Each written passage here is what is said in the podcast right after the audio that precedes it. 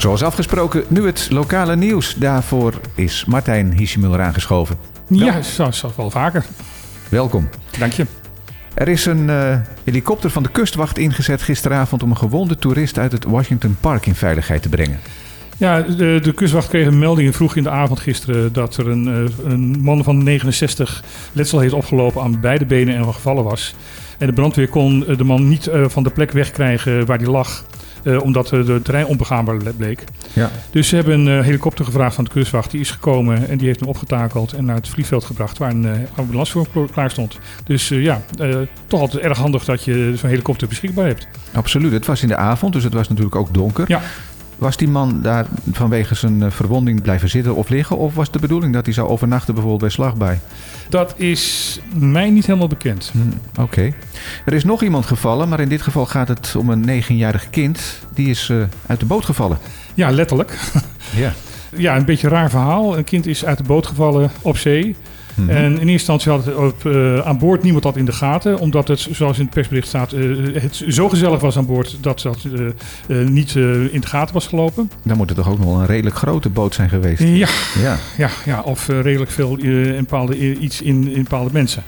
Maar in ieder geval, dat kind bleek gelukkig te kunnen zwemmen. En is naar de kust gezwommen. Eh, Een aantal toeristen zagen opeens een kind uit het water komen, nogal overstuur.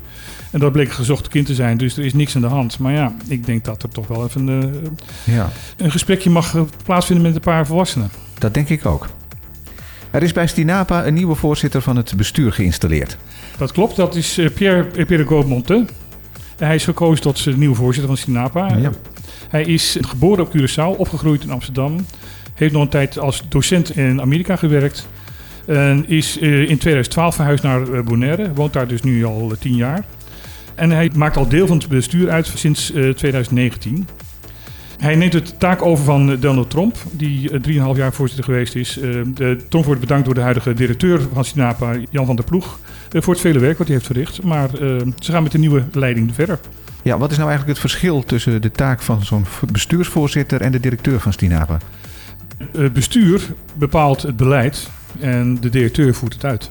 Oké, zo zit dat. In navolging van kantoren of winkels zoals je wilt op Curaçao en Aruba heeft TUI sinds vandaag volgens mij ook een kantoor slash winkel op Bonaire geopend. Dat klopt en dat is heel verrassend op het Chocogo eh, Resort. Eh, nou, natuurlijk helemaal niet zo verrassend, want uh, TUI heeft voor het grootste gedeelte daar de kosten van betaald. Aha, Ze zeggen zelf van dat eh, dat ehm, is onder andere om de gasten die vanuit Nederland eh, naar Bonaire zijn gekomen te kunnen helpen eh, met eh, eventueel omboeken van, van reizen of verlengen van reizen. Ja. Maar ook eh, mensen die op Bonaire zelf wonen kunnen daar een, een regionaal of internationaal ticket eh, kopen. En dat hoeft dan niet allemaal meer online. Er is ook nog iets anders veranderd.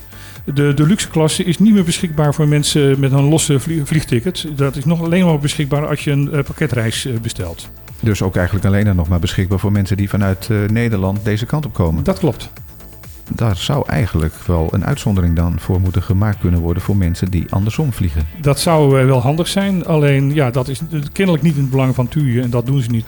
De, die deluxe klasse was een mooi eh, tussenvorm tussen de economy klasse bij TUI en de eerste of de, de, business business klasse in KLM die gewoon niet te betalen is. Nee, inderdaad. Nou, jammer dat dat dan niet meer mogelijk is. Er is in Nederland gepleit om inwoners van Curaçao, Aruba en Sint Maarten ook stemrecht te geven voor de Tweede en Eerste Kamer in Nederland. Dat klopt. Laura Bromet van GroenLinks heeft dit voorgesteld. Even voor alle duidelijkheid. De drie losse landen kunnen niet meestemmen op dit moment voor de kamers. De Westeilanden natuurlijk wel, omdat wij onderdeel zijn van Nederland. Ja, Zij wil dat graag veranderen, omdat eh, zij zegt... eh, ook de andere landen hebben te maken met Rijkswetten en de Rijksministerraad. En in de Rijksministerraad zitten ministers in uit het kabinet in Nederland. Dus ook voor het Koninkrijk eh, maakt het uit welke ministers daar zitten. En dan moet het natuurlijk ook mogelijk zijn dat er dus mensen van die landen dus mee kunnen stemmen welke ministers daar zitten. ja, er is natuurlijk wel een eh, summiere vertegenwoordiging in de vorm van die gevolmachtigde minister die de diverse landen hebben. Dat klopt, maar dat is één minister eh, per eiland. Ja, En alle ministers van het kabinet in Den Haag mogen in de Rijksministerraad optreden. ja dus een redelijk scheve Een situatie. zeer geschreven situatie. En zij wil dat oplossen. Men is op dit moment bezig met een grondwetswijziging om Nederlanders die vast in het buitenland wonen ook stemrecht te geven voor de Eerste Kamer. Want dat eh, moet je op dit moment op Nederlands grondgebied wonen Ja. om mee te mogen stemmen. Dus zij zegt van laten we dit meenemen. Nou, het zou fijn zijn als dat nog gaat lukken. Dan graag het weer. Ja, het weer. Het, het is op dit moment uh, ja, redelijk helder.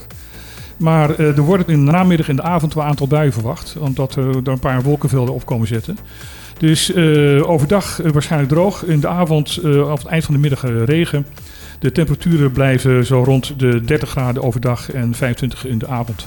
Oké, okay. dankjewel Martijn. Tot morgen. Tot morgen.